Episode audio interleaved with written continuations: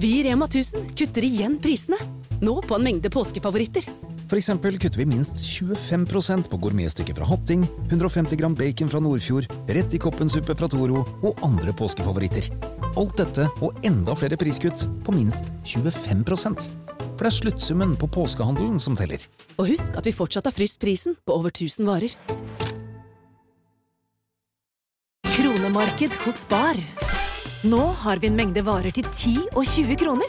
Hele denne uka får du løbiff fra Folkets før 54,90, nå kun 20 kroner. I tillegg får du et utvalgt Vasa knekkebrød, før fra 16,90, nå bare 10 kroner. Alltid tilbud på noe godt. Hilsen oss i Spar. Du hører på Siri og de gode hjelperne. Ukas gode hjelpere er Adrian Selvold og Fay Villhagen. Adrian er uh, artist. Uh, I høst så, så vi deg i Stjernekamp på uh, NRK, og jeg elsket jo In the Name of. Altså, Ja. når du lå i en Hva kaller man det? En slags moshpit? ja, vi lagde en moshpit Ja. på direktesendt TV. Ja, det er noe av det feteste jeg har sett på direktesendt TV i mitt liv, tror jeg. Takk. Det, Altså, det var var, helt, det var veldig gøy. Jeg fikk sinnssykt mye bra tilbakemeldinger på den. Ja, det håper jeg. Eh, og hvis du har et observant øye, så ser du at jeg spenner jo basstrommen. En ganske dyr tromme, men han trommisen min han er sponset, så det sa han at det gikk helt fint. Ja. Jeg skulle tuppe hull i, i Hva heter det der jeg er frampå trommen? Skinnet? Skinnet, ja. Ja. Trommeskinnet. Uh, men jeg fikk jo ikke testet det på lydprøvene, Nei. så vi bare satset på at det skulle gå. Men de er jo så jævlig robuste, de. De skal jo tåle en støyt. Så jeg fikk ikke det til. Eh, det var Du skulle sparke hull i en tromme, jeg, men På slutten Jeg var jo Ja. helt psykopat. Ja. Så jeg sto og De ble aldri hullet, men jeg tror jeg veltet tre trommer. Det var, det var, men det var veldig gøy. Spesielt fordi jeg Siden jeg skulle synge akkurat den låten, mm, så følte jeg at jeg måtte ha med meg Bård Kolstad. For at meg han har veldig matchende energi. Han er, en, han er sånn ADHD-trommis i Ja. Når vi hadde øvinger, så var vi i bokseren begge to nede på han og Blåsemafiaen sitt sånn øvingsrom. Eh, et eller annet sted. Eh, og eh, PA-anlegget der var helt fucka, så det var kun bassene som funket. Så jeg sang i mikrofonen inn i bare bass, og han spilte trommer, og vi var i bokseren, og vi var Det var, det var fantastisk gøy. Ja. Eh, og det var et veldig gøy nummer å framføre. ja, resultatet ble helt fantastisk. Jeg elsket det. Eh, engelsk generelt for meg Jeg er ikke så vant til å fremføre. Det var morsomt. Ja. Og så røk jeg ut på country, der jeg valgte, ifølge Kurt Nilsen, verdens mest tekniske countrylåt.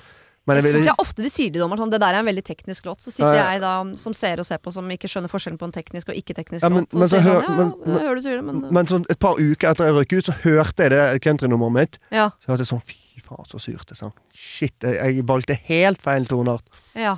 Eh, og da skjønte jeg hvorfor jeg røk. Jeg skjønte jo ikke det der og da. Jeg syntes jeg var dritflink.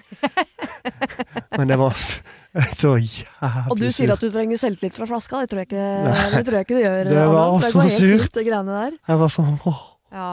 Jeg sang, jeg sang veldig dårlig, og det derfor røk jeg ut. ja, sånn er det. Ja, ja, ja. Sånn er det. Bedre lykke neste program. Fay, du er også uh, artist uh, i aller høyeste grad, Uh, og har nylig gitt ut albumet 'Møtesten', hyllest til Anne Grete Preus. Og så sa du jo nettopp at du er i sluttfasen med en ny plate som skal komme. Mm, Litt februar. sånn finpuss igjen fram mot februar. Mm. Du sa ikke noe dato på din, Adrian, men du også driver jo og skal gi et første album. Debutalbum, ja. Jeg har aldri Ja. vært en sånn albumfyr, men jeg fikk et eh, sånn wake-up call om å lage et album. eh, med noen låter som jeg lagde for tre år siden. Ja. Og men mesteparten har jeg laget det siste året. Ja.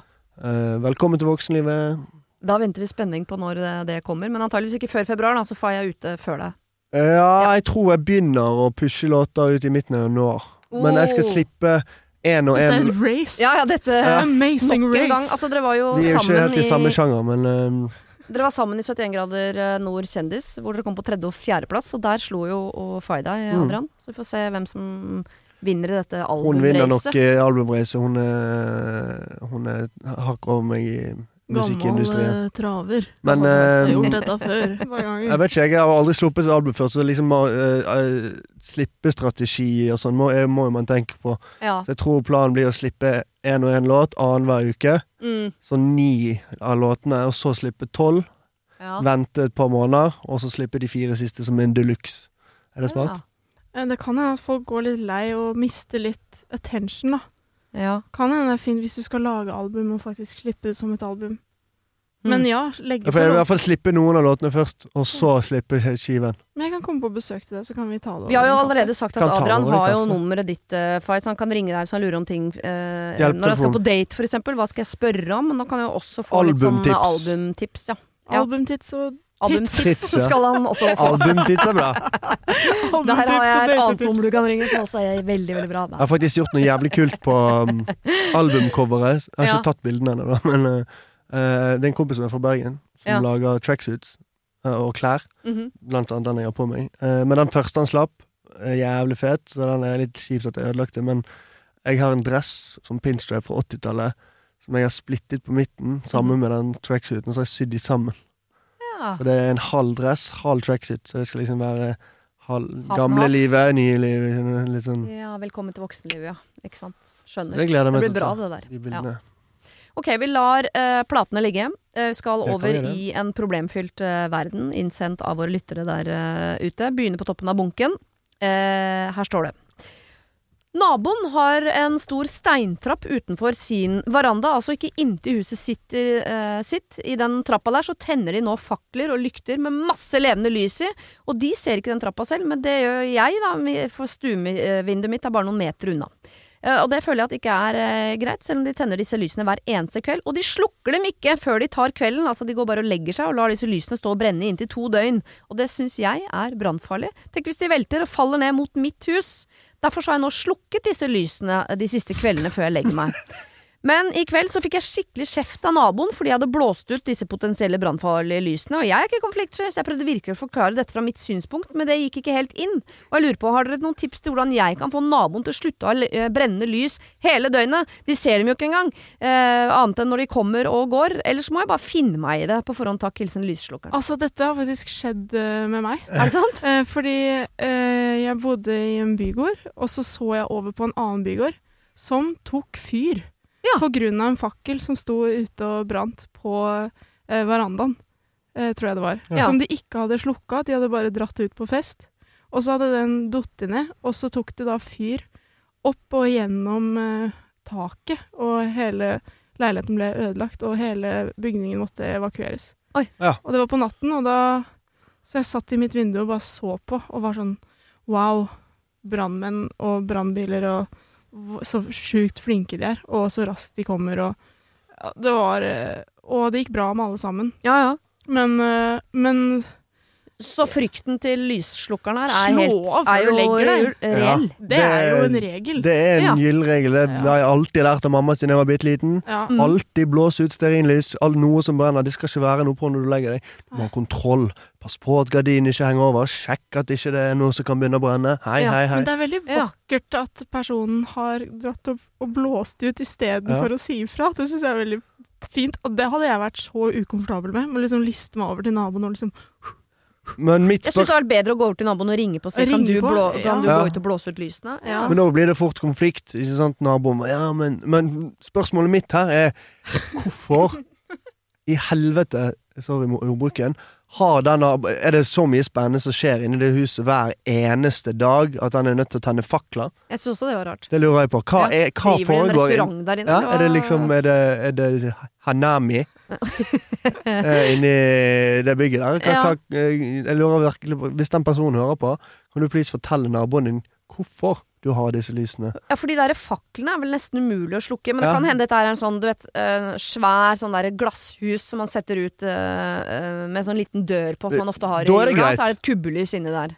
Ja, men Da- det kan også velte, da. Ja, hvis det er dårlig vær og sånn, så kan jo det skje, men det er jo iallfall tryggere. Men så er det jo også veldig sånn dårlig bruk av lys òg, da. Ja. Altså sånn, De varer jo lenger hvis du blåser de ut og tenner de på Ja. igjen òg. Ja. Ja hvem er det de pynter for? Ja, det, det, det, det er liksom det, det er det største spørsmålet i Norden er hva foregår inni det huset? Jeg Ja. lurer på hvilken kommune dette er i. Men hva er den beste eh, framgangsmåten herfra? For hun har jo valgt en framgangsmåte som er, til tross for at hun ikke er klo- konfliktsky i serien, det er det veldig få som sier, Ja. Eh, så har hun valgt å bare blåse det ut. Og så har hun da havnet i en diskusjon med naboen som har sagt det kan du ikke drive med, så da da bør hun kanskje slutte med den taktikken. Men hva om hun tar min historie, da? Og sier sånn Jeg har faktisk opplevd ja, Mm. ja. at nabohuset tok fyr. Ja. Men det er jo en løgn, da. Det er jo ikke så bra. Nei. Ja, man kan si En jeg kjenner, kan du si det er en Ja. vag løgn. For man kan jo si at man kjenner folk man En har hørt på hvit løgn Ja. eh, er ofte bra Mm. Ja. i sånne situasjoner. Men eh, det, er gøy, det er jo litt gøy også å la den konflikten fortsette. Fortsette å blåse ut i lysene og fortsette å krangle med naboen. Men da blir det dårlig stemning. Ja, Hvis hun ikke er konfliktsky, så tenker jeg også Ja, sånn Jeg kommer til å fortsette å blåse ut de Ja. lysene fram til dere begynner å gjøre det. Fordi det er ikke et alternativ for meg at de lysene står ute på natta når dere sover, inn mot mitt hus. Så dere må gjerne Jeg, jeg tror jeg hadde bare gått. Er det så viktig å ha god stemning med naboen? Det er ikke Jeg hadde gøy gått i krangel. krangelen og sagt jeg, jeg gjør det, enten gjør dere det, eller så gjør jeg det. Jeg hadde godt tatt mammarollen og sagt sånn enten så gjør du dette, eller så gjør jeg dette. Ja, det er de to sant? valgene Sett dere ut en boomblaster med tenn lys som går 24-7. soundbox på full guff. Og som bare blåser mot det lyset Nei, mot det huset igjen. Det er jo aldri gøy når ting brenner ned. Jeg, eh, for et par to måneder, en måned siden eller noe sånt, så var jeg på Frogner i en leilighet, og så, så luktet jeg Det var sånn, det brent noe greier. Og så, og så så jeg ut vinduet, og da var det full fyr i blokken på Gimleveien der. Det var helt sykt. Det brant som faen. Ja, men det, eh, altså, det er en helt reell fare. Eh, Det er jo i hvert fall før jul og eh, Spesielt hvis det nyttår så er- er det mye brann. Nettopp. Ja. Men Eh, hvorfor skal de ha på lys når de sover? Ja, det er jo latskap. Det, det er en Men er familie det- som er det tenner lys. Det blir koselig. Eller er det en blokk, liksom? Eh, er Nabolag. Det høres ut som det var et eh, hus. Naboen har en stor steintrapp Nab- utenfor ja. verandaen, så det er Ja, nok, det er eh, nok hus. ja. Det er litt verre når det er Hvis du bor i, midt i Oslo, det da, utsetter du andre for fare. Men hva med å ikke gå i konflikt, og heller si sånn Hei, eh, beklager for eh, at jeg blåste ut lysene. Jeg skjønner at det var å gå litt over streken og gå sånn inn på deres turf, men eh, kunne dere bare være så snill og, og blåste ut før dere legger dere? Fordi jeg blir redd, jeg. Og Ja. engstelig. Ja, Og jeg syns det er skummelt, både for dere og for meg, og jeg vil ikke at det skal skje noe. Og jeg er bare veldig redd for det. Ja. Legge seg mer flat. Ja. Ja, det er jo For da kan beste. jo ikke den andre si sånn Mm. Ja. Da kan jo ikke de være sånn tilbake. Nei. Det er noen som er sånn. Ja, no, Men, og hvis de er det, da er det må du bare fortsette Ja, å men du må slukke lage det. i øynene, det- så må du ta deg selv til brystet, og så må du si sånn Se det inn i øynene, så må du si sånn Jeg blir redd, jeg. Med litt sånn knekk i stemmen. Jeg blir redd. Jeg. Ja. Ja, Jeg, jeg ønsker at dere slukker de lysene, for jeg blir redd, så jeg får ikke sove. det hadde jeg Det gjort. kan begynne å brenne. Barna Ja. mine får ikke Ja. Og hvis de da sier sånn «Øh, det driter jeg i, altså det kan jo hende, Da- så må man bare fortsette å slukke. fortsetter jeg ja, for da er det jo dårlig stemning uansett. Ja. ja. Ja. Ok, så prøv med eh, Bambi-øyne og ta deg til brystet og si at du blir eh, redd. Beklager at jeg invaderte området deres i går. Jeg burde selvfølgelig ha snakket Lurt. med dere. Ja. Eh, men kan dere være så snill å slukke lysene fremover? Og hvis de er assholes tilbake, så, så kan du være det også. Ja. Men prøv Bambi-øyne først. Ja, for da vil de gå, jeg. Ja, det tror jeg også. De bare høres litt sløve ut. Jeg jeg tror ikke de har noe sånn uh, At de har tatt et standpunkt til sånn 'fakler skal brenne' hele natta. Det er et veldig rart standpunkt å ta. Jeg tror det er bare sånn vi legger, Jeg orker ikke å gå ut. jeg. det er 18 minusgrader ute. Det, det slukker det greiene. Men gjør de det om sommeren òg? Nei, det tviler jeg på. Høres Det bare- veldig rart Det høres men, ut som et juleproblem. Fortsatt så lurer jeg på hva som foregår inne i huset. Please, kan du sende det inn til Driver de en liten Hanami-restaurant. Er det det de Ja, men da blir det krangling igjen. Ja. Er dette fuckings Hanami, eller? Det Ja, funker ikke. Den er fin å dra. Altså, altså, driver du Hanami her, eller? Hva, hva, hva, hva, hva, hva er det som skjer egentlig? Hvorfor har du fakler hver eneste dag? Ah, ja, men jeg er enig i spørsmålet. Altså, jeg er nysgjerrig på det. Så jeg, synes, jeg skjønner det hvis du skal ha eh, selskap. Mm. Men hver dag? Ingen som har selskap hver dag? Nei, det, det. Hvorfor for unnskyld at jeg fins, selv om det koster litt. Ja, jeg gjør det. det er Kryp, sikkert li- dyrt kryp med de faklene. Før du reiser deg som en føniks hvis du blir forbanna. Mm. Ja. Ok, vi skal over til et ekseproblem. Oi. Eh, Hekser. helt øverst så står det en disclaimer på Mm. mailen. Her er det mange x-er og y-er, står det. For å gjøre en lang historie kort. Jeg og min samboer over ti år hadde et brudd for et par år siden. Forholdet vårt går opp og ned, men vi fant tilbake til hverandre og har det nå bedre enn noen gang. Men da vi var fra hverandre, så data vi begge på hver vår kant. Jeg hadde en avstandsflørt, han hadde et forhold til en kollega. Min samboer har flere ekser han har holdt kontakten med, noe jeg ikke har hatt problemer med. Men denne kollegaen han traff mens vi var fra hverandre, der har jeg syntes at ting har vært litt vanskelig. Vi har snakka mye om grenser i den relasjonen, og jeg tror vi har landa et sted som jeg er komfortabel med.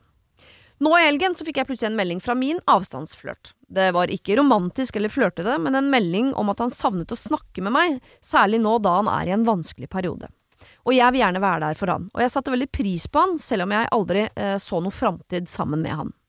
Problemet nå er at min samboer syns det er veldig vanskelig at jeg snakker med eksen, noe jeg syns er utrolig hyklersk av han. Jeg sa tydelig fra om at jeg syns at relasjonen til eh, eksen var vanskelig, og han har allikevel oppre opprettholdt sin. For min del er det snakk om teksting med en useriøs flamme.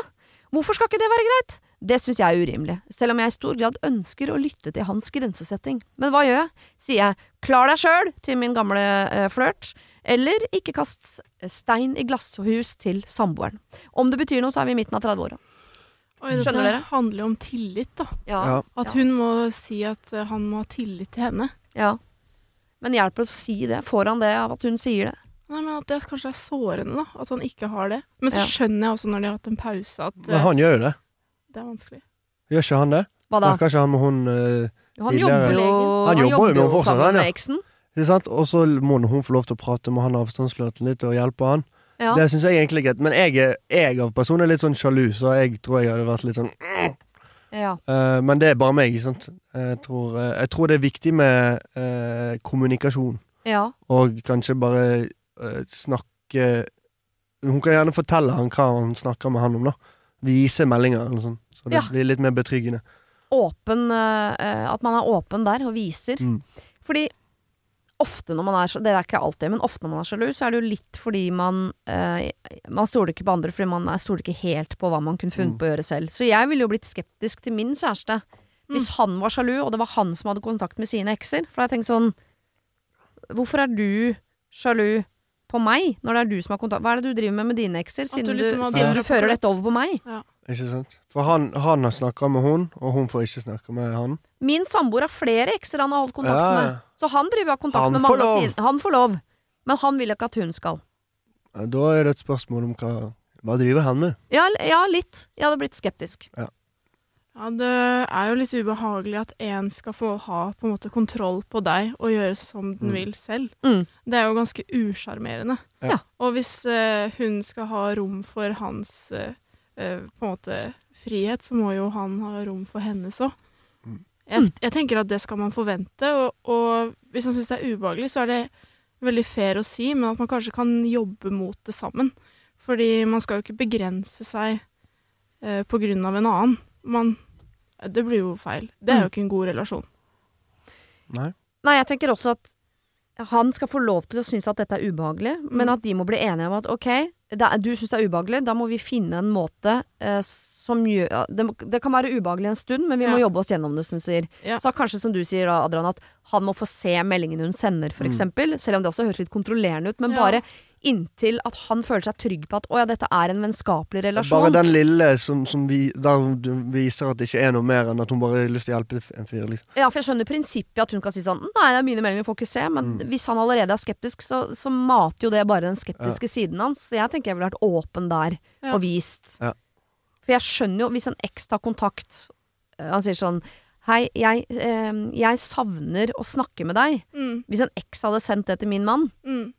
Det er ikke en melding jeg hadde elsket at han Nei, fikk av eksen sin. jeg savner å snakke med deg, kan vi, kan vi snakke litt sammen? Jeg trenger deg. Bare tenk sånn Nei Da hadde jeg kjent på sjalusien. Ja. Ja, man må heller på en måte spørre om skal vi møtes og snakke om noe. Jeg har behov for å lufte noe med deg, f.eks. Ja. Men at den er litt sånn lada, ja. Det er jeg enig i. Men det verste er, som kan skje, er jo sånn når en i relasjonen sitter sånn i hjørnet og smiler litt i blikk og er i telefonen og ikke er til stede, og du merker at Det kan jo skape veldig tension, tror jeg, mellom Mm. to. Men hmm, det er jo Kanskje hun kan spørre også hvor sjalusien kommer fra. Ja. At man kan være litt nysgjerrig på den. Mm. Altså, de sier jo at eh, sjalusi er egentlig uh, er veldig sånn fordømt av samfunnet, men egentlig så handler det bare om en redsel om å miste. Mm. Mm. Og kanskje det har noe med historien hans man kan på en Mm. måte besøke litt sammen. Mm. Og så spørre han hvordan hadde det vært for deg, eller hvordan kan vi gjøre dette så det er eh, på en måte betryggende for deg og trygt for deg. Ja. Eh, og gå framover på en måte som gjør at jeg kan tekste med f.eks. han da, på sikt, uten at du har noe med det å gjøre, men at du stoler på meg. Men kan hun også få lov til å være litt streng på at det er ikke et alternativ at hun ikke skal ha kontakt med han? Hun sier sånn 'jeg kommer til å ha kontakt med han'. For den, jeg, jeg trenger at du har tillit til meg. Nok til at jeg kan ha kontakt med han. Men vi må finne en måte å gjøre det på som, som, som gjør at du også kan Føle deg trygg. føle deg trygg. Mm. Ja. Men for jeg tror, hvis de begynner sånn å sette mot sånn Ja, men du har kontakt med din. Ja, enten Ja, begge eller ingen. Ikke sant? det ja, det blir bare Jeg tror hun bare sånn Jeg tror ikke hun skal liksom nevne han og hans kontakter med sine ekser. Ingenting. Bare si sånn Nå trenger han hjelp. Ja. Jeg har ingen romantiske tanker rundt han, men jeg har lyst til å hjelpe han. Ja, for han sa han var i en litt vanskelig situasjon, var det ikke det? Ja. Ja, så jeg, tipp, ja, jeg tipper at liksom han har et liv som er litt vanskelig, og han, han liker å snakke med henne. Det Og hun var hans nærmeste en liten periode. er en bitte liten periode. Han åpnet seg til henne. Ja. Men kanskje hun må være tydelig overfor denne eksen at det er ikke noe mellom oss.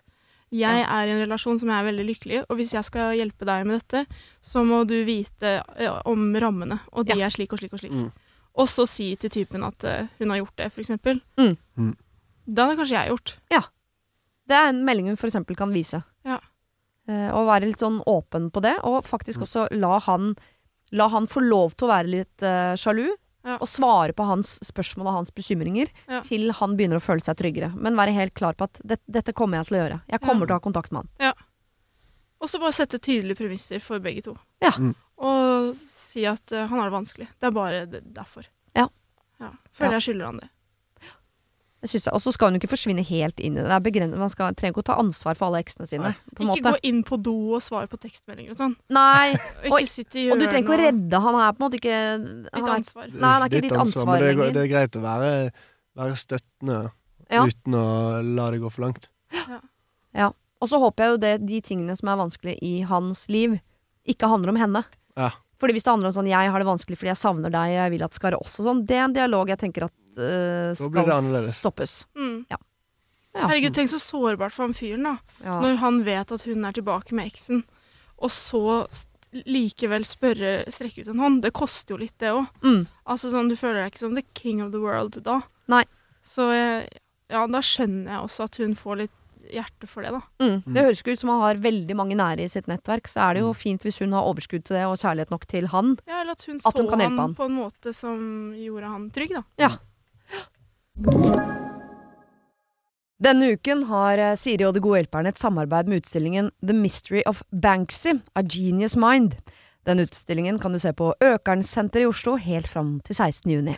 Til eh, tross for at Banksy er verdens mest kjente gatekunstner, så er han samtidig også helt anonym. Det er ingen som vet hvem han er, og en av grunnene til det er at han er etterlyst for vandalisme.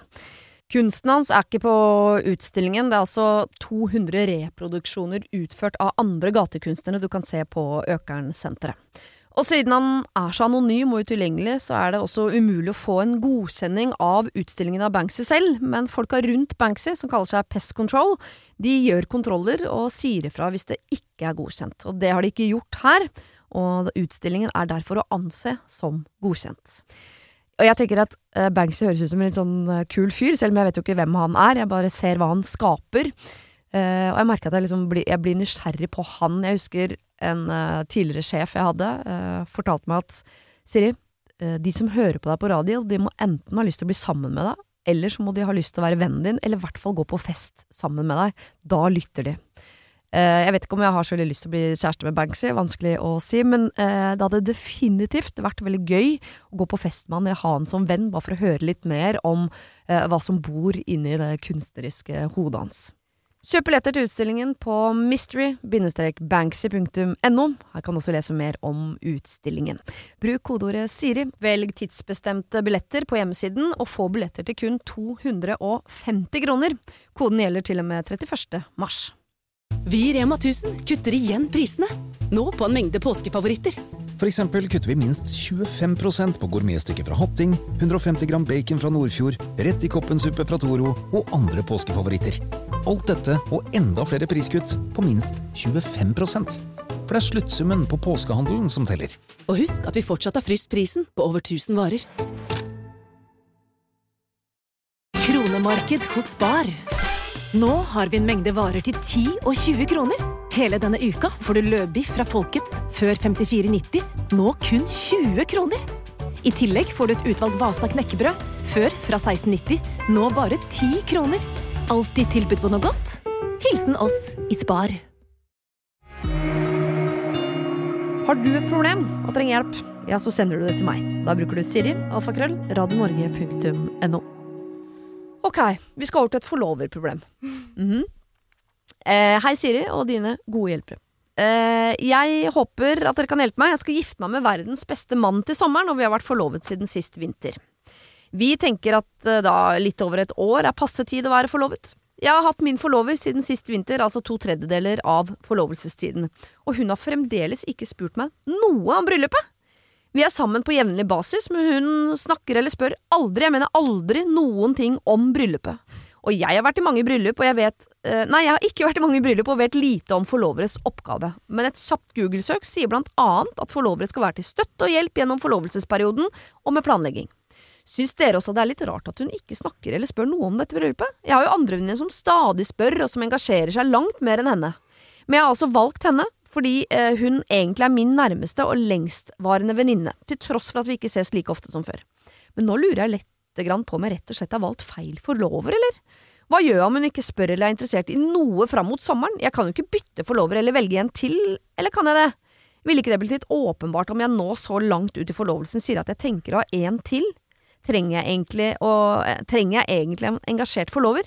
Jeg skjønner ikke dette, jeg. Ja. Hun var jo veldig rørt når jeg spurte.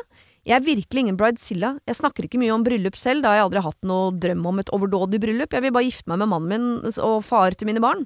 Så det er ikke akkurat sånn at eh, man blir lei av å høre meg snakke om bryllup heller. Ved anledninger når det har blitt nevnt, så har hun heller ikke snakket videre eller spurt noe mer angående temaet. Er det urimelig av meg å være litt skuffet, eller? Hva tenker dere, hva gjør jeg, hjelp? Kall meg hva dere vil. Oi. Mm. Stine. Ja, enig. Stine. Ja. Um, altså, her føler jeg at det mangler vesentlig kommunikasjon Ja. mellom Stine og forlover. Mhm. Eh, fordi hun må jo også sette en sånn slags eh, forventningsavklaring, på en måte. Fordi den andre vet jo kanskje ikke hva den skal oppfylle. Eh, altså, hvordan skal den vite hva den skal gjøre hvis den ikke har vært forlover før? Men hva er oppgaven til en forlover? Jeg har aldri vært forlovet. hvis man leser de sånn gamle kutymebøker, og sånn, så er det sikkert mye sånn følge gjennom prosessen og være Ja. eh, moralsk støtte Er det og være med og utdrikningslag og, Ja, og fikse og Ja, liksom utdrikningslag, ja, sikkert. Ja, Jeg tror det er en av de få som står igjen som sånn, det er din jobb. Men før tror jeg det er mye sånn hjelpe til med sånn, ja, Finne eh, kjole. bordplassering, finne kjole, ja. ganske mye sånn. For det er vel sånn at uh, damene, venninnene, blir med når hun skal finne kjole. De drikker litt champagne, finner kjole, se på denne, var den fin? Er ikke det litt sånn? Og Bridesmaids, den er Ja. så morsom. Okay. Men Ja. eh, kan hun spørre henne sånn Hei, vil du være med og se i sånne bryllupsblader, eller Nei, jeg kan ingenting, som dere hører. Men, eh, eller vil, kan du være med meg, og skal vi se på kjoler en dag, eller skal vi ta en dag hvor vi snakker om Mm. Og så kunne hun heller spurt hun venninnen Amalie Ja. om eh, Syns du jeg skal få på en til, eller syns du det er litt mye ansvar selv, eller er du bekymra for noe, eller hva tenker du? Ja, Eller? for jeg, jeg syns det er i hvert fall rart hvis Stine nå, uten å ha snakket med Amalie, eh, bare går og velger en til, eller velger en annen. Ja. Eller, for hun har jo faktisk Det virker ikke som Stine noen gang har sagt til Amalie dette er mine forventninger til en forlover. Ja. Eh, og man kan ikke forvente jeg, Det må man huske som brud. Ja. Dette er veldig viktig for deg. I beste fall sekundært for alle andre. Ja, ikke sant? Eh, det, for det er, eh, det er veldig gøy venninne skal der og da sånn Å ja, jeg skal få lov og gøy. Men Ja. det er ikke, du tar det ikke med deg videre over i onsdagen og torsdagen, liksom. Det er på en måte sånn Ikke sant? Jeg tenker kanskje Stine burde hatt en liten sånn forberedelsesliste for hun forloveren. Eventuelt sånn OK, hva trenger vi å gjøre? Hva må man forberede seg for til et bryllup? Mm. Eh, Vi må ha kake, vi må ha kjole, vi må ha lokaler, vi må ha blomster, vi må ha duker, vi må ha Skjønner du? mm, Og så kan de gjøre det sammen, at ikke det, alt ansvaret ligger ikke på hun forloveren, selv om hun er forlover. Det Mm. må gjøres i, i, i, i sammen med hos Stine. Ja. Og for alt vi vet, så driver Amalie og rigger verdens Ja, ikke beste uh. Ja. Ikke sant? Men det vet jo ikke Stine noe om. Nei. Kan, og det er masse jobb i et utrykningslag, så kanskje hun tenker at hun gjør mer enn nok. Mm. Men det er også øh, Var det ikke du som sa det i stad, Fay? At det skal være lystbetont? Jo. Mm. At man kan ha den lista som du ramser opp der, Mm. Adrian. Så er, det sånn, er det noe av dette du syns er litt gøy? Mm. For jeg tenker at en forlover Skal vel ikke finne duk og sånn? Nei, i, Nei, i liksom våre bare- dager er jo ikke, det er jo ikke en uh, Bare forberedelser forberedelse var det jeg mente. Uh, og kanskje, selv om det er én forlover, at du selvfølgelig kan spørre andre venninner også om hjelp. Ja. At dere kan være fire-fem stykker som går sammen om å liksom Kan du hjelpe meg å planlegge? Du Har ikke du giftet deg før, Martine? Skjønner du? Mhm. Hva, hva gjorde du? Ja. Sånn. Og så skal de ha sånn derre så skal Og så skal vel også forloveren ha sånn egen type kjole, er det ikke det?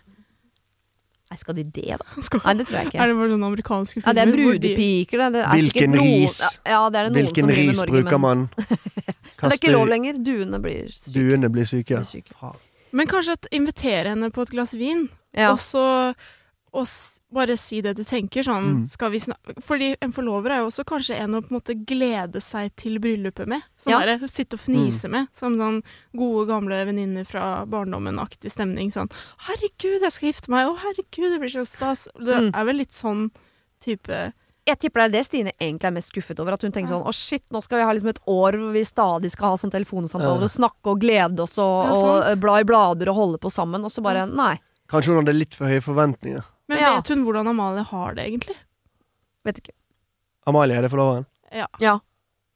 Uh, Far har jo vært veldig god på navngiving. Ja, jeg, jeg glemmer jo navn sånn. Ja, ja, nei, Eh, Stine er eh, bruden, og Stine Amalie har er fått med forloveren. Ja, Det var to, ett for mye navn å huske. jeg skjønner jeg skjønner. Uh, Men uh, det er, jo, det er jo kanskje litt det der med å, å kanskje hun har litt for høye forventninger. Og Ja, eller bare Eller at hun bare tror at, at hun skal gjøre alt hun Amalie? Men det er jo litt sånn som når man skjønner når man blir større, og at sånn julaften det er Mm. noe man må fikse sjøl. Ja. Og akkurat som med bursdag òg. Hvis det skal bli bursdag, så må du fikse det sjøl. Det er jo på en måte en skuffende opplevelse når på en måte foreldrene forsvinner ut av livet, Mm. og man har ansvar for sin egen feiring. Ja. Man har jo også det for, for bryllup, i hvert fall nå til dags. Og livet går jo unna for de fleste av oss. Mm.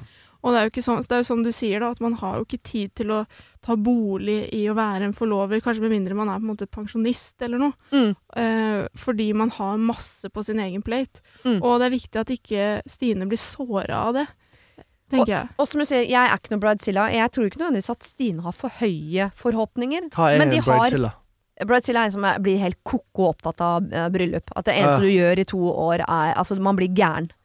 Krysning mellom brud og Godzilla. Ja. Jeg skjønner. Ok, jeg skjønner. Men jeg tenker at Stina ikke har for høye forhåpninger, men at hun har andre forventninger enn Og de har, ikke, de har ikke snakket om hva de forventningene er. Så det er ikke det at de er urimelige eller høye, de er bare annerledes. Mm. Og det er dette er større i hodet til Stine enn det er i hodet til Amalie. Amalie. Det er, det er mye større for Stine. Og når man velger en forlover, så tenker jeg eh, Du velger jo ikke nødvendigvis den beste forloveren, Mm. men du velger den beste venninnen. Og det er jo ikke nødvendigvis samme person. Det er helt sikkert en eller annen jente i gjengen til Stine som hadde blitt bridezilla for henne. Mm. Men da må du, er det det du vil ha, eller vil du at det er den beste venninnen din som skal stå der sammen med deg den dagen og holde den talen hvor hun kan snakke om hvordan det var eh, når dere eh, gikk i bleier sammen? Altså forventningsavklaring. Ja. Det er det som mangler her. Ja. Og det gjelder jo i alt her i livet. Ja. Mhm. Og så har det jo, er det jo andre roller i et bryllup òg, sånn toastmaster og sånn. Ja. Kan ikke finne seg en kul toastmaster Å, og prate kul. litt med den om ja. folk og fe? Jeg tror jeg, jeg tror jeg heller ville hatt en barndomsvenninne hvis jeg hadde vært brud Ja. og skulle hatt en forlover. Nå sitter jeg meg bare inn i situasjonen. Ja, ja, ja, ja fint. Så ville jeg heller hatt Amalie som uh, forlover enn en som du møtte på, på Skaugum uh, for seks måneder siden. Mm. Selv om det var en jævlig god match. Og, skjønner du? Ja, og Ja. hun elsker å snakke om uh, servietter og, Ja, og sant? bordplassering, liksom. Jeg ville heller mye heller hatt en litt mindre engasjert Amalie Mm. enn en som du liksom egentlig ikke kjenner så godt. Enig. Et måte. livsvitne du vet elsker deg for Ja, den du er. ja, en som har vært der siden dagen. Som alltid eh, Som er Selv om hun kanskje ikke har så jævlig mye planer for det Men det vet vi ikke. Nei, Det det kan jo være hun har masse planer, at hun bare ikke har sagt en dritt, og at hun holder kortene tett. Ja, kanskje hun ikke vil blande seg, for hun tenker at Stine ikke vil. Ikke sant? Det er- Stine vet ikke hva Amalie tenker, Amalie vet ikke hva Stine tenker. Men det de er finner ikke ut av heller før dere snakker sammen. Ja. Og det tenker jeg eh, det har gått for lenge allerede, for Stine har sittet irritert seg over dette. Jeg skjønner Ja. at man kan bli skuffa, for han sitter bare og venter og venter og venter, og venter, og venter, og da går tida sakte på at den andre skal spørre et eller annet sånn Hvordan ligger du an med bryllupet nå, eller hva tenker du om bryllup, har du sett på kjole man, man sitter og venter på de spørsmålene, de kommer aldri. Og da tenker jeg på et eller annet tidspunkt så må Stine sette seg ned og si sånn Hei, forloveren min, jeg gleder meg skikkelig til bryllup, nå begynner det å nærme seg. Er det noe du har lyst til å være med på av planlegging? Har du lyst til å være med på kjolen, eller har du lyst til å være med eller, eller er det greit om jeg da spør eh, Kristine om dette, fordi hun, du vet jo hun er jo ko-ko når det kommer til servietter og bordpynt. Eller vil du ta det, eller skal jeg spørre henne? Mm, det er fint. Kommunikasjon. Men hun er er jo viktig, eh, altså. skuffet ut ifra hvordan hun kjenner Amalie òg, virker det som. Ja. Siden de har kjent hverandre hele livet. Mm. så virker det som at hun Det kan jo hende at hun også har en relativt rimelig forventning i forhold til hvordan hun kjenner henne. Men så sa hun også at de hang mindre for tiden. Ja. Enn før, ja. Ja. Men jeg tror den skuffelsen også kan komme av at nå opplever du noe i livet ditt som er noe av det største du har opplevd, og så glemmer man at det er en privat følelse. Det, er ikke, det gjelder ikke liksom de rundt. ja. Og så blir man liksom overrasket over at ikke alle andre syns dette er like stort som deg. Mm. Er noen jeg, av dere gift? Ja. Og hadde du forlover? Ja. Åssen var det, da? De var nok mer skuffet over meg, for jeg tok det jo ikke med på eh, noe som helst. Ja. Du ordna deg sjøl. Jeg ordna 100 Jeg ville ikke ha utdrikningslag engang. Nei. Så de, de, eh, det sa de til meg etterpå, at de var litt skuffet over at de Går ikke skjønte galt. poenget med at de var forlovere. Det går jo ofte galt på utdrikningslag, har jeg hørt Ja, jeg følte meg for Eller er det bare på film? Det går til helvete på utdrikningslag. Ja, det kan gå til helvete. På guttas utdrikningslag, ja. Orehus og Jeg har vært i noen utdrikningslag. Jeg, jeg, liker det ikke. Jeg tror jeg aldri har vært det. Nei. Nei, det Det er minner om sånn russetid. Ja, det er en liten russetid. voksen russetid. Ja, det er noe kleint over det. Tror jeg aldri har vært i et bryllup. Nei. Nei, jo, kanskje. Nei, jeg husker ingenting. Det er ikke for seint. Kommer til å skje. Men det er, man må aldri glemme, det er størst for de som gifter seg. Ja. Og foreldrene deres, kanskje. Mm. Og så syns de andre det er gøy. Ferdig med det. Det er en fest. Ja. Snakk med din venninne. Snakk med venninnen din. Snakk med Amalie. Ja, Tipper hun heter Amalie. Ja. Vi har en- nei, enten Stine eller Amalie er representert i dette brylluppet. Det er jeg helt sikker på i virkeligheten. Åh, håper det. Føltes sånn naturlig. Ja. Denne uken har eh, Siri og De gode hjelperne et samarbeid med utstillingen The Mystery of Banksy, A Genius Mind. Den utstillingen kan du se på Økernsenteret i Oslo helt fram til 16. juni. Til eh, tross for at Banksy er verdens mest kjente gatekunstner, så er han samtidig også helt anonym. Det er ingen som vet hvem han er, og en av grunnene til det er at han er etterlyst for vandalisme. Kunsten hans er ikke på utstillingen, det er altså 200 reproduksjoner utført av andre gatekunstnere du kan se på Økernsenteret. Og siden han er så anonym og utilgjengelig, så er det også umulig å få en godkjenning av utstillingen av Banksy selv, men folka rundt Banksy, som kaller seg Pest Control, de gjør kontroller og sier ifra hvis det ikke er godkjent. Og det har de ikke gjort her, og utstillingen er derfor å anse som godkjent. Og jeg tenker at eh, Banksy høres ut som en litt sånn eh, kul fyr, selv om jeg vet jo ikke hvem han er. Jeg bare ser hva han skaper.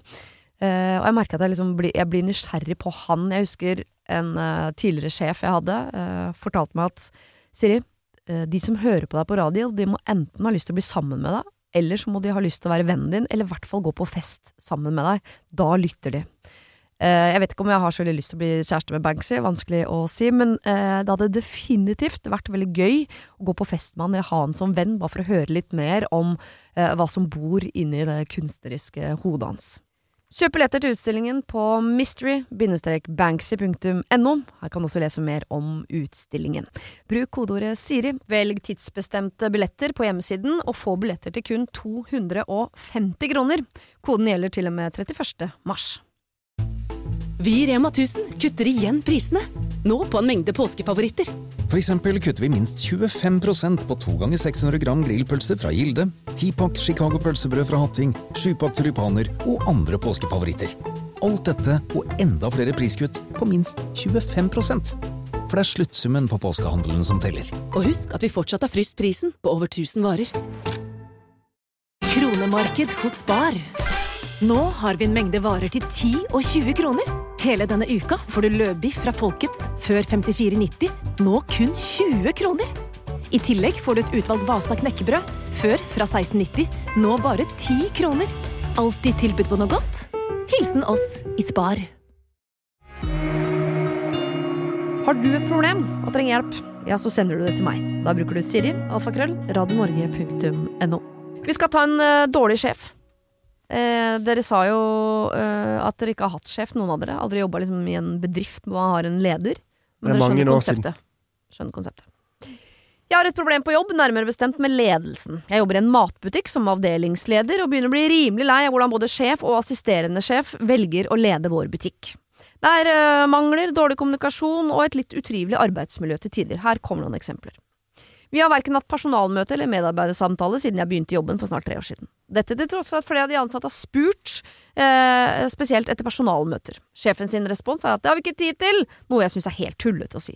Veldig spesielt å ikke innføre ønske om personalmøte når flere vil ha det. Eller I avdelingen jeg jobber er det et høyt tempo og mye råvarer som må håndteres raskt og nøye.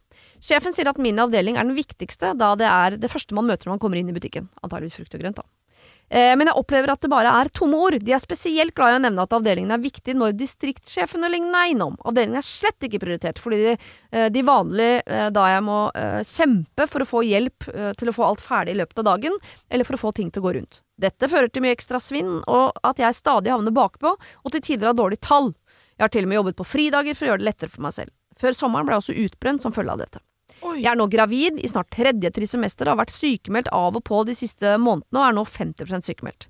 Men til vanlig mye tunge løft, høyt tempo og stressnivå i min avdeling, og det er derfor ganske åpenbart at det må tilrettelegges. Tilrettelagt har det blitt til en viss grad, men det er åpenbart at, ikke, eh, at jeg er til bry når jeg er gravid. Dette begynner å bli slitsomt, spesielt når jeg ofte må jobbe lenger enn jeg egentlig skal for å redde avdelingen min og gjøre ting jeg egentlig ikke skal gjøre som gravid fordi de andre ikke bryr seg eller ikke gidder. Dette er bare noen eksempler på ting som gjør arbeidshverdagen min slitsom. Mitt spørsmål er, hva gjør jeg? Å snakke om det med sjefen er dødfødt. Han er åpenbart ikke interessert i å bedre hverdagen til sine ansatte, tro meg, jeg har prøvd x antall ganger. Skal jeg gå til sjefen over sjefen? Skal jeg kontakte fagforening? Jeg er medlem. Eller skal jeg bare gi opp og kanskje finne meg en annen jobb? Sistnevnte vil jeg egentlig ikke, da jeg trives i selve jobben og har en grei arbeidstid og mye frihet på jobb. Skal tross alt snart ut i permisjon og få noen måneder fri, men jeg skal jo tilbake, da! Beklager for lang mail, ble litt rant fra meg her, altså kall meg Sunniva. Sjefen over sjefen. Sjefen over sjefen. Sjefen over sjefen. Klag til sjefen over sjefen, og send akkurat samme mail til oss. Så Det er, jo, til, det er jo alltid noen høyere oppe som bryr seg. ja, og de bryr seg, og de vil jo at De- butikken ja. skal gå bra. Og hvis butikken er dårlig drevet, det er jo dårlig for dem. Og hvis de ansatte ikke har det fint, så er jo det veldig dumt for uh, renommeet. Underskriftskampanje, gå Ja. i demo. Gå i demo, ja, det er fett. Ja, det må Alle Ja. Men uh, jeg er helt enig med Fay. Uh, jeg går til sjefen over sjefen. Eller fagforeningen. Det kan hjelpe, det òg. Ja. Men det er litt voldsomt, da. Å legge press Ja, men kanskje det må utenfra. Man må jo teste innenfra først. Test, ja, teste? Men det føler jeg hun har gjort, liksom. Ja. Men til distriktssjefen også? Nei. Ja, men hun det høres ut som hun har sagt det til eh, ledelsen. Nei. Det høres ut som en sånn meny eller noe. Ja. Mm. Verdens beste butikk. Altså, eh, da jeg var liten, så har jeg aldri drømt om å bli noe altså, da jeg ble stor, bortsett fra eh, å jobbe i ferskvaredisken på Meny. ja det er Jeg mulig, òg syns det var veldig Min interessant. store drøm. Jeg ville Ja. bli det og politi. Ja. Ja. Hvite frakker med knapper og hatt og Ja. vekt og få sånne og så- Kjøttavdelingen så, jeg synes det så fett ut. Ja, de sinnssyke knivene. Ja. Sånn sag Og de store stykkene. Ja, ja. Fantastisk. Jeg skjønner det. Teiper og teiper. Ja, hvor mange Ja. har dere til middag, da? Fire stykker? Ja, gi meg ett sekund, så skal jeg finne noen deilige stykker til deg. Ja, litt sånn. Ja. Hvor mange gram skal du ha? 600. Og der er vi på 840. Ta- Skjær av. Ja. Å, der var vi akkurat 600 i dag, altså. Det er fantastisk. Ja, jeg liker. Ah, ja, du men burde steke panere denne litt smør. Det er deilig. Kom med tips, er fett. Men, og hun trives jo i jobben sin også. Selv om jeg, jeg har sett for meg at det er frukt og grønt, altså, men det er i inngangspartiet på butikken. Og det er veldig ofte er veldig frukt ofte frukt og grønt. Eller blomster. Eller blomster. Men Men, hun sier jo at det er mye svinn, og at det går utover de ansatte. Mm. Og da går det utover også butikken, og hun får dårlige tall av det. Mm. Det betyr jo også at det går utover butikken. Det går utover sjefen òg. Så hun har jo veldig tydelig på en måte grunnlag for å gå til neste steg og Ja. skrive en ryddig mail. Mm. Og hvis ikke det, hun får svar på det, som hun burde, så burde hun ringe. Ja, jeg, jeg, det er en grunn til at jeg har egentlig ikke lyst til å, å, å svare på denne mailen, fordi jeg blir ikke klok på hva jeg mener. For egentlig På en side mener jeg sånn, selvfølgelig skal man si ifra. Bruk fagforeningen, den er der for en grunn. Ikke sant? Alle disse Mm. tingene mener jeg, samtidig som jeg har jo jobba lenge nok i diverse bedrifter til å se at de som er, de som da går til sjefen til sjefen og går til fagforeningen og sånn, dessverre ofte blir sett på hun vanskelige ansatte. Eh, og jeg er evig takknemlig til alle dere vanskelige ansatte der ute som gjør den jobben, som jo noen må gjøre. Men det er veldig sjeldent at Og det er veldig bra for oss andre som bare sitter og høster frukter av at dere gidder å gjøre den drittjobben. Uh, men det er veldig sjelden det gagner selve den vanskelige ansatte. Mm. Mm. Eh, som hvis man gjør det, så skal man være klar over at det er en slitsom jobb å påstå seg. Og alle arbeidsplasser har en sånn som hun som sender inn eh, her. Uh, Sunniva. Eh, som jeg tenker er bra. Sunniva burde vært leder, og Sunniva blir leder en dag, antageligvis. For det er hun som sitter og vet hvordan bedriften skal driftes. Og det er Mm. alltid det er sånn Jeg tipper hun, når hun gikk på skolen, så var det hun som gjorde alle gruppearbeidene, mens det satt fire-fem andre der og bare eh, klødde seg i huet. Mm. Uh, hun var sikkert eh, med i elevrådet. Hun har sikkert liksom vært hun som gjør den gode jobben hele veien, og så Mm. har du alltid med deg masse sånn daukjøtt som Mm. bare er med på liksom reisen. Mm. Og det er en bør å bære. Eh, så jeg er litt usikker på hva Sunniva For det høres Jeg tror det er slitsomt å være Sunniva. For det, Sunniva er flink. Men hva ville du gjort, da? Jeg ville f i hvert fall først og fremst fokusert på å fortsette å være flink. Istedenfor å prøve å, å fikse sånn at alle andre skal være flinke. Jeg Hun sliter seg ut, da. Ja, ja, men da Det er jo fordi hun også prøver å gjøre jobben til de andre. Ah. Og det er bra at hun gjør det, men da, da blir du utslitt. Men skal man vente på at det skjer en endring, i håp om at det skjer? Eller skal man si ifra og heller være den, den ansatten som gjør det? Jeg håper at hun er den ansatte som Ja, gjør det, men det blir slitsomt. Det er slitsomt, ja. Hva blir, med å sette i gang en konspirasjon og få butikksjefen til å se dårlig ut? Og på en måte manipulere dens arbeid for å så kunne søke som butikksjef selv. det er Hun nice. skal bli butikksjef, ja. Ja. Garantert. Men manipulere er et ord jeg liker. Fordi eh, det, Og dette har jeg brukt selv på eh, ikke navngitte arbeidsplasser. Eh, det man må gjøre, er at når man må ta sjefen på et tidspunkt hvor du ser at sjefen er stressa, det koker, har ikke tid. Mm. Da må du gå til sjefen, og så må du legge fram enda et problem, sånn at du ser at nå koker det over. Mm. Et sekund etter du har lagt fram dette problemet som sjefen tenker dette har ikke tid til, det er for mange andre problemer, så legger du fram en løsning. I ni av ti tilfeller da, så vil sjefen tenke Har du en løsning på det problemet som gjør at jeg blir kvitt det problemet nå før jeg i det hele tatt trenger å ta tak i det? Gjør det! Så det jeg mener at Sunniva skal manipulere arbeidsplassen sin med, er at hun skal, hun skal finne løsningen på problemet. Så skal hun legge fram problemet. Liten kunstpause. Legge fram løsningen. Og så må, så må hun gå for den løsningen. Ja, men det. virka det ikke litt som om sjefen ikke brydde seg helt? Ja, men du må ta det på riktig tidspunkt. Ja. Fordi de bryr seg om eh, seg og sitt liv, og at de ikke vil ha flere problemer. Så når Sunniva kommer inn og legger enda et problem på bordet, men hun har løsningen, så sier de sånn Gjør det du, Sunniva! Kjempebra! Ja. Åh, jeg likte å tro på liksom en god verden der man sier ifra, og så går det bra, jeg. Men det går bra. For Ja. Sunniva sitter jo antageligvis med løsningene på mange av de tingene som er vanskelig på jobben. Sunniva har mange løsninger. Ja, må det tror være jeg. gatesmart. Sunniva er en kjemperessurs. Ja, åpenbart. Ja. Men det er kjipt å ikke kunne si ifra til distriktssjefen, og så går det bra. Det syns Ja. jeg var kjedelig. At Ja. det ikke liksom skal gå.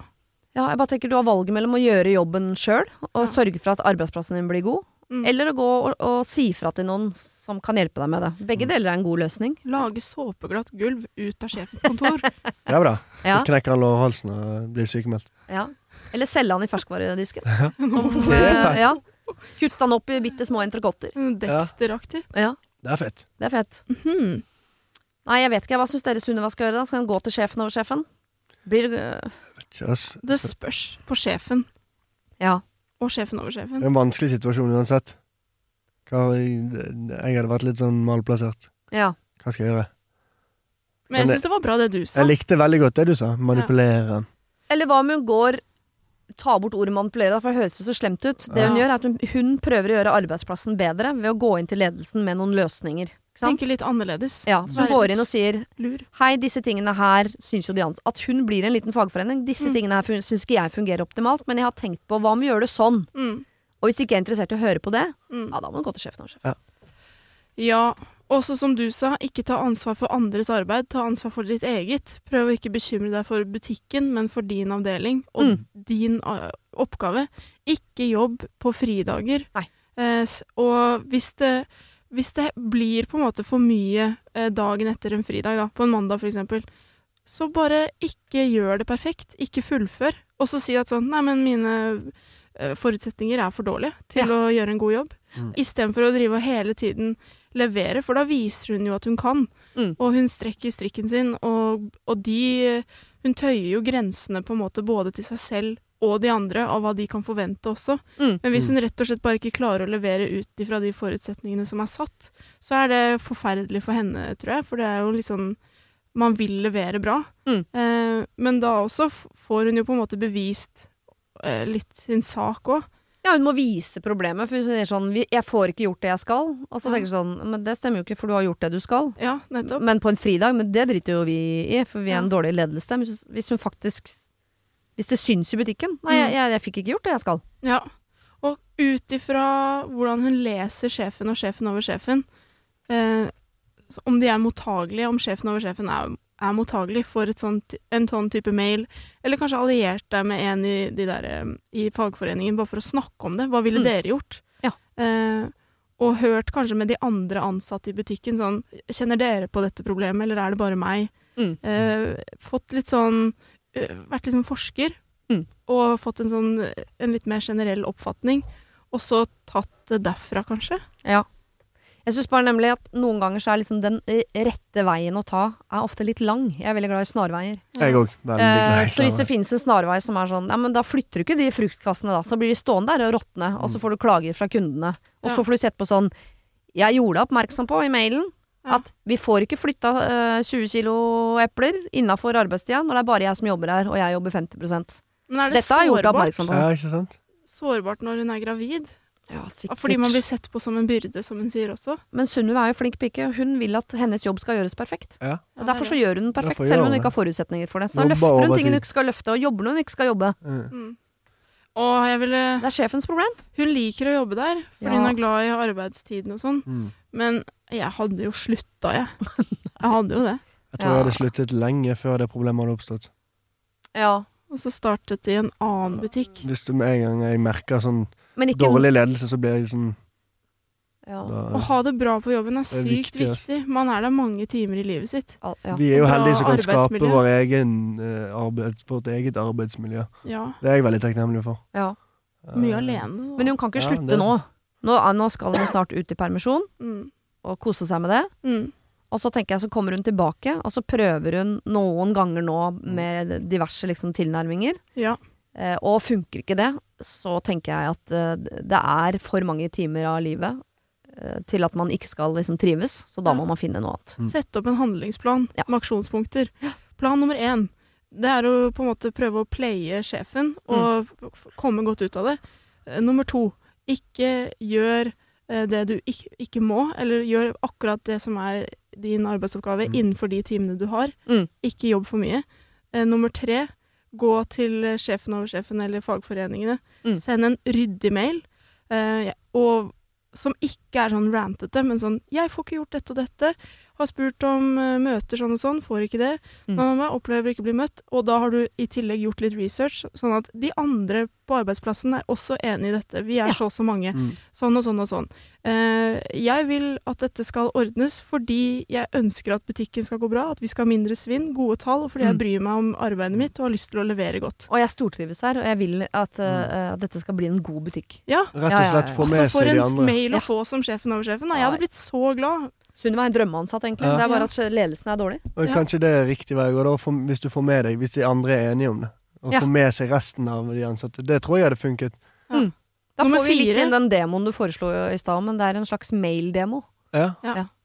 Demo på mail. Underskriftskampanje. Ja, ja, det er det der. Vi har 20 underskrifter. Ja, det er Her har vi alle ansatte bortsett fra deg. ja, ja. Ah, ja, nei, eh, lykke til, Sunniva, men dette tenker jeg dette skal du gjøre etter at babyen er Når du kommer tilbake på jobb. Ja, vent. Ja. Nå er det, det er for slitsomt nå. Ja, nå bare gjør du det du absolutt må, over ikke noe mer. Og så går du til i mammaperm, og når du kommer tilbake, så bretter du opp arma, og så prøver du å få bedriften opp på beina, eller så går du. Ikke få sånn stress i melken. Nei, du må ikke ha stress i melka. Stressmelk. Det gjelder deg privat, men også i butikken du jobber. Ja. Ikke noe stress i melka. Ok, vi avslutter med Team Ribbe her. Det er det som er overskriften på siste problem innsendt. Her står det. Hei, jeg og samboeren har en diskusjon. Saken er den at vi skal holde julefeiringa hjemme hos oss i år, siden eh, vi har barn og ingen av våre søsken har barn. Så da kommer hans søsken og mine samboere sine foreldre og en onkel av meg, kanskje en bestefar, men her er problemet. Hvordan deler man på utgiftene til maten? Kan man bare forlange at alle skal betale? Jeg vet svigers kommer til å synes det er litt rart, siden de er veldig sjenerøse og ikke vil ha vips noen gang for, eh, fra sine barn.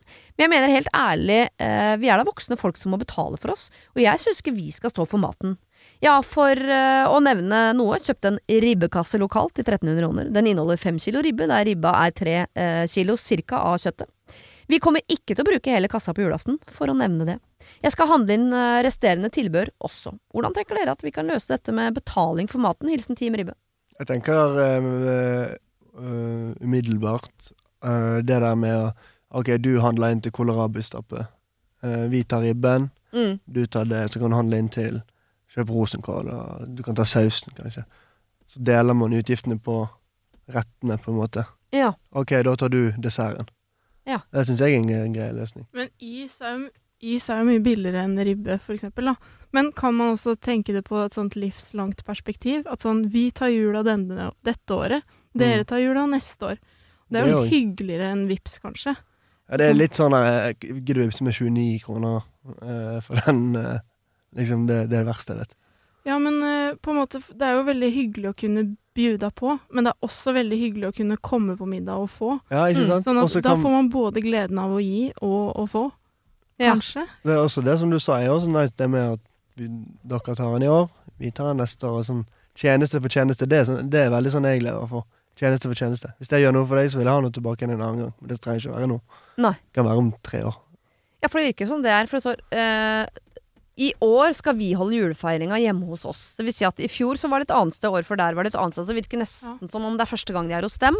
Mm. Og det virker Mm. ikke som det er tradisjon i familien fram til nå at det vipses Mm. og deles på utgiftene. Fordi da hadde jo det vært en eh, da hadde jo det på en måte vært en kultur de allerede hadde, at vi Mm. vippser hverandre eh, for maten. Mm. Men siden det fram til nå har vært sånn at de som holder julefeiringa, betaler for julegildet, Mm. så syns jeg det er litt rart hvis denne familien har vært på gratis eh, julefeiring hos mamma, gratis julefeiring hos søster, gratis julefeiring Men når vi skal ha, da skal vi spleise. Men det kan jo være svigers har bedre råd enn de. Jo, men da tenker jeg hvis det hadde vært et element at sånn vi studerer begge to, og mannen min arbeidslever, Ja. vi har ikke penger, Så så, det, da er det lov å si Vet du hva, kan dere ta med det Kan vi dele på det i år? Det, Ja. er, det er, er litt vanskelig. Mm. Da mener da må alle liksom kluter til, og vi må hjelpe hverandre. Vi har dessverre ikke råd til dette aleine. Kan Nei. dere bistå? Ja. Det er jo også en ting man kan si. Ja. Det er helt lov, det. Og Ja. det, det er veldig mange i Norge som har det sånn nå. Absolutt. Særlig nå, ja. Ja. Når ja. alt er så sinnssykt dyrt. Alt er Men det kan jo hende at de har fått litt sjokk òg. De har vært på jul hele livet hos andre, og så plutselig skal de ha det selv. Og så er man bare sånn å herregud, shit, det koster faktisk 5000 spenn for Ja, mat ja. til alle sammen. Hva var det Det er hun sa? 1300 kroner for tre kilo ribbe? Pluss Det eh, så skal man jo ha vin og ak- og akevitt og akevitt. tilbehør og Og der mener jeg man kan sende ut en, en sånn Alle ta med en flaske vin til maten. Ja, Mm. det er Det er en ganske sånn innarbeida kultur vi har med at det gjør Her i Norge gjør vi det. Ta Ja. med drikke selv. Ja, Men det kan være fint å minne om eh, det, for det er ikke alle som har fått det med seg. ja, gi litt billigere gaver. At liksom ja. vår gave er en skikkelig jul. Mm. Men uh, samtidig, som dere sier, så har de jo vært på jul hos andre fram til nå. ja. Jeg tror man kanskje bare må tenke at sånn dette er en utgift og en investering i en hyggelig kveld. Mm. Eh, De velger selv hvor mye de ønsker å investere i den. Mm. Eh, Det er deres ansvar i år, og forhåpentligvis noen andres neste år. Se på det som at sånn shit, dette har vi fått helt fram til nå. Herregud, så heldige vi har vært. Mm. Ja. Og så nå skal vi selvfølgelig by på det samme tilbake, dersom vi har midlene til det. Hvis ikke spør vi om hjelp. Ja, så det er som et slags spleiselag, men det går over mange år. At Ja. til syvende og sist så skal det der gå opp. Ja. Eh, med mindre da det er noe som er liksom ekstra vanskelig akkurat nå pga. noen forhold i familien som gjør at vi har faktisk ikke råd til det. Da mener jeg at det skal være lov til å be om hjelp. Og så mener jeg at man også kan være Jeg tror de aller fleste kan være ganske mye flinkere enn de er til å holde utgiftene litt nede i jula. Mm. Man må, du må ikke ha eh, både brun og hvit akevitt til ribba. Du må ikke ha både Jeg vet ikke om man spiser surkål til ribba, men eh, Rød og sur. man må ikke ha rødkål og surkål. Man må ikke ha absolutt alt i alle mulige varianter. Det er lov å gjøre jula litt enklere. enklere. Men så kjøper de en ribbekasse de ikke kommer til å spise opp på. Ja, ikke sant? Allerede der er man jo ute og kjører. Ja. Ja. Og så er det lov å be noen ta med dessert. Kan noen ta med dessert? Ta med Mm. riskrem, da, vær så snill. Ja. Ta, kan noen ta med riskrem? Mm. Ja. Ja, jeg- Svigers pleier jo å være flink til å lage riskrem. Enig. Og svigers var rause, var det ikke det hun skrev òg? Ja. Kan de ta med akevitt, brun og hvit? Akevitt og riskrem. Ja. Perfekt. Det er en gave å være raus tilbake, tenker jeg da. Ja, hvis man har muligheten man har til det. så, man. Så syns jeg man eh, jeg, Med mindre det er noe eh, som ikke vi vet om her i kulissene, et eller annet noe uh, Mista jobben, eller studerer, Ja. eller noe sykdom, eller eh, et eller annet som gjør at i, i år er det ekstra vanskelig, Det er fett. Mm, så syns jeg ikke man skal be om det derre Vipps-kravet for Ikke den ribbekassa. Nei. Nei, det er det, det Det er litt lættis å, å altså. feire jul i kollektivet. Det er bra. Og da må man plutselig altså. Invitere inn. Mm. Alle i kollektivet inviterer inn familiene sine. Ja, Så det er er 70 Stor- stykker til jul. så deler man opp ribben i sånn akkurat like biter og poteter. På sånn pappfat. like. Ja.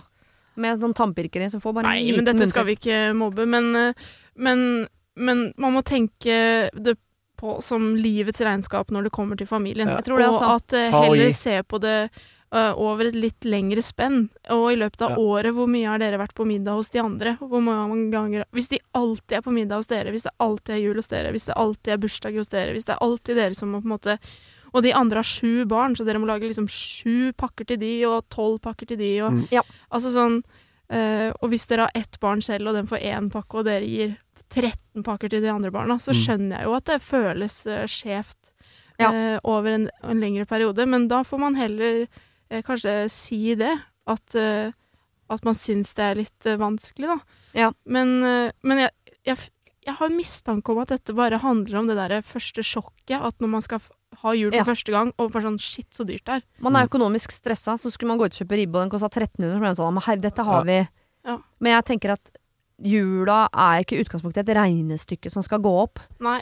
Eh, det er en tid for at man skal være raus. Og hvis man har muligheten til det, så er det det man skal være, istedenfor å sitte liksom og, og, og, og lage regnskap, da. Ja. Med mindre man er i en situasjon som er så vanskelig at man ikke har noe valg. Mm. Da skal man selvfølgelig få lov til det. Men da vil jeg gått til mamma, pappa eller svigers eller, og, og, og lagt fram problemstillinga og sagt er det noe, kan dere bidra med noe her? Vi har ikke muligheten til å, å begynne på, til jul i år, egentlig. Men ja. når fikk du den mailen? De kjøpt ribbe en måned før jul? Det er ikke helt uvanlig, det. Altså. Er det? Nei, jeg tror ikke det. Ah. Kjøper ting dagen før, jeg. Ja. Kjøpte en lokal ribbekasse til 1300. Jeg er nysgjerrig på hva en ribbekasse her, jeg. Ja. Kasse det er liksom med kålrabi og liksom med Det må være det. poteter og Det må jo være det, siden det koster 1300 spenn. Ja. Eller litt sånn ekstra ting òg. Kanskje litt medisinskaker og sånn. At det er lokal, så er det kanskje Ja. lokal uh, At det er pålegg, og at det liksom ja. Kanskje det er det høres jo veldig deilig ut, da. Ja, lokal ribbekasse. ribbekasse. ja. Høres digg ut. De kaller seg Team Ribbe, og det liker jeg. Så det er jo litt humor i familien. Ja, det er bra. Ja. Men øh, jeg øh, Dere spør hvordan tenker dere vi kan løse dette med betaling for maten. Det tenker jeg at dere skal løse over langen, som vi sier. Ja. Det der løser seg på sikt. Lukk øynene, trekk kortet, Ja. la det fly, og Ja. så tenke at dette går opp Ja. i livets lange løp. Lukk øya, bruk mastercardet. Det blir ikke noe Vipps-oppgjør på Nei. første juledag i, Nei, i gruppa. Det gjør ikke det, altså. Nei. Nei. Dere bjuder på i år, Mm. de andre bjuder på neste år. Sånn må det bli. Sånn, Sånn må det bli. Ok. Eh, tusen, tusen takk, Adrian og Fay, for at dere kom hit nå i julestria. Den kjenner ikke du så mye på ennå, Adrian, men det, det foregår der ute. Mamma Eh, tar, tar seg av det. Hun tar seg av det. Hun kommer til meg i år. Tønsberg. Ja. Er Det det, er du som skal kjøpe ribbekasse i år, da? Må jo det. Jeg tror jeg ville gått ut litt før enn dagen før. Tenk så er tomt for ribbe, da. Hva gjør du da? Ringer en lokal kompis som er slakter, ikke sant. Er det sant? Men du kan ikke spise noe dagen etter å ha slakta det? Eller kan man det? Nei, jeg vet ikke. Eh, jeg, skal, jeg, jeg er ikke så dårlig på planlegging. Nei, okay. Mamma kommer 21., så da blir det nok tid til å planlegge. Ja, for da kan hun planlegge. Kanskje hun kan ta med seg ribbekasse? Nei, jeg feirer faktisk jul Tips henne om eh, lokal ribbekasse 1300. Kanskje Ja. hun kan ta med en. Jeg eh, feiret jul for første gang uten familien min i fjor, i Tønsberg. Ja. Um, det var koselig som faen, det.